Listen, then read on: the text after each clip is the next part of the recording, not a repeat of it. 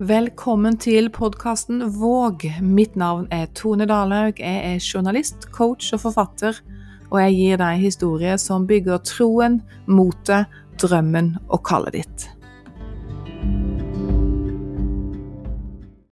Hvis du er en som bærer på drømmer og kall, og er en visjonær type, sånn som meg, så er det stor sjanse for at du har kjent på ensomhet på et eller annet tidspunkt, eller kommer til å kjenne på det.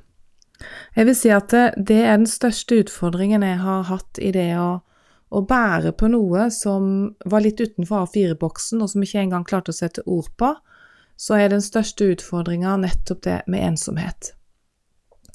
Og det skal denne podkasten handle om. Jeg har kjent på ensomhet i det å være visjonær, en type gründer, ikke sant, det å ikke, for, å ikke engang forstå hvem jeg var. Det var, måtte jeg faktisk få hjelp til. Jeg har kjent på ensomhet i det å ikke finne sin plass, det å ikke trives i fast jobb og ikke forstå hvorfor. Jeg har kjent på ensomhet i å ikke finne noen som kan hjelpe meg, og jeg lengtet etter å finne kristne mentorer og kristne visjonærer som på en måte var en, en leder for andre. Men så skjønte jeg etter hvert at Gud ville at jeg skulle være en som leda en som dro andre. Derfor har kanskje veien vært ekstra ensom for min del. Men jeg tror det er noe som, som følger med litt det å være en visjonær. Og derfor er det så viktig at du finner fellesskap. Og det er også noe av det jeg vil dele med deg i denne podkasten. Jeg har også kjent på det å være ensom i den brannen du har, og det å finne en plass i kirken når man er en, en slik type med, med visjoner og kall. Jeg har bare lyst til å si med en gang at ut ifra Bibelen, så kan vi, det som står der, så kan vi være trygge på at det er ikke Guds plan for oss å være ensomme. Ikke engang i, i, um, i relasjoner. Vi er skapt for relasjon. Gud ønsket relasjon med oss. Det står til og med at han vandret i hagen i den svale timen, der Adam og Eva var. Og han eh, så jo at det var ikke bra for Adam å være alene, så han skapte kvinnen, en kone til Adam. Og Jesus selv vet hvordan det er å kjenne på følelsen av å være forlatt. Det ropte han ut på korset. Og når jeg planla dette temaet og satt og kjente litt på hva jeg skulle si, så var det som om hele kroppen min eh, nesten reagerte på tematikken, og jeg kjente i hele meg at dette skulle jeg dele, og jeg kjente på en måte Guds nærvær, og at dette lå han på hjertet. Dette vet han hvordan er. Og dette med ensomhet, og at han ikke ønsker at vi skal være ensomme, at han ønsker å ha relasjon med oss, men det gjelder også i det å vandre i drømmer og kall, eller vandre i det Gud har lagt ned i ditt hjerte. Og husk på eh, historien om, om eh, legeme. Han, eh, han, skapte oss jo på et legeme. Vi har ulike funksjoner, og det er ikke meningen at vi skal operere atskilt fra hverandre. Du og jeg trenger en landingsplass for våre drømmer og kall. Det er veldig, veldig viktig. Og det er noe av det som jeg har blitt eh, kalt til å dra fram, dette skapernettverket.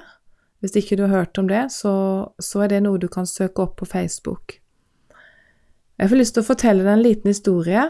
Jeg delte den i Facebook-gruppa, så hvis noen der hører den, eh, denne podkasten, så har de kanskje hørt det før, men det gjør ingenting, for det er et viktig budskap.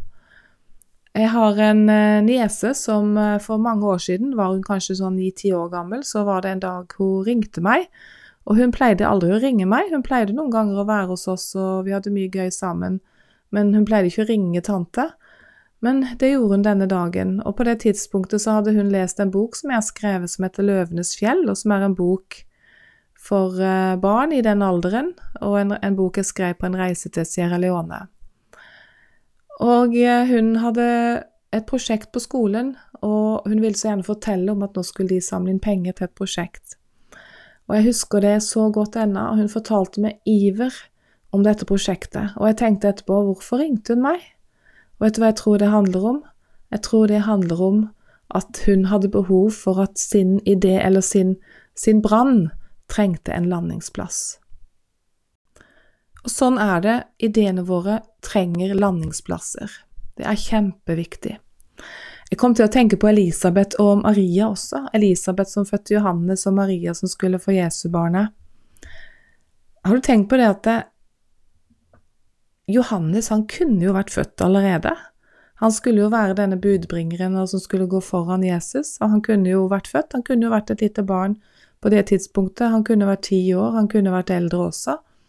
Det hadde egentlig ikke spilt noen rolle, men Gud gjorde det sånn at de ble født nesten samtidig, og at Elisabeth og Maria gikk gravide samtidig.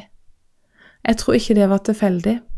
Det står jo at eh, Maria skyndte seg til Elisabeth, som bodde litt sånn mer avsides, og visste om, de visste nok om hverandre, men eh, jeg tror det var flere grunner. Maria trengte sikkert å komme avsides og være litt sånn vekke fra kanskje folkesladderet. Hun var ugift, hun hadde ikke vært sammen med noen mann, hun skulle føde Guds sønn, og magen vokste. Det var en spesiell tid, og hvem kunne forstå henne? Hvem kunne være der for henne? Jeg tror Gud koblet de og gjorde det slik at de gikk igjennom graviditeten samtidig og hadde det fellesskapet i en slik kritisk tid. Det står jo til og med at eh, at barnet i Elisabeth gjorde Altså Johannes, da, som var i Marias, nei, Elisabeths mage, gjorde et, et byks, eller en, kom en reaksjon når Maria kom inn og hilste henne. Det var en, virkelig en bekreftelse på at det Gud hadde lagt ned i henne, eh, var fra himmelen. Og vi trenger både dette fellesskapet, og vi trenger slike bekreftelser. Jeg syns det er nydelig at Gud koblet de to akkurat på samme tid, og, og, gjorde det slik at de gikk gravide sammen. Du skjønner, Gud ser. Han vet, og det er det jeg kjenner jeg skal bare virkelig prente inn. Gud ser, og han vet om deg, og jeg vil at du skal være trygg på at han kommer til å gi deg noen. Hvis du ber om det, så finner han noen for deg.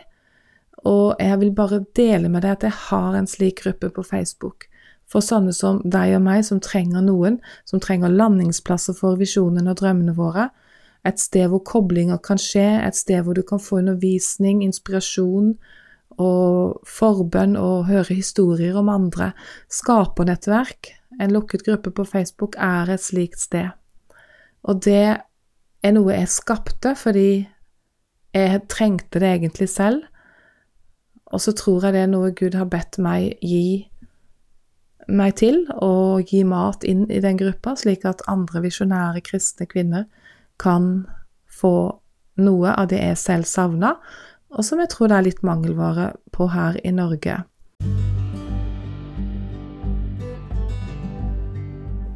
Det er min oppmuntring til deg i dag, at du trenger en landingsplass for dine drømmer og kall. Og du er ikke ment å gå alene, du skal kobles sammen med et legeme og Gud ser deg, og han vil koble deg. Gud velsigne deg, og velkommen til Skapernettverk hvis det er noe for deg.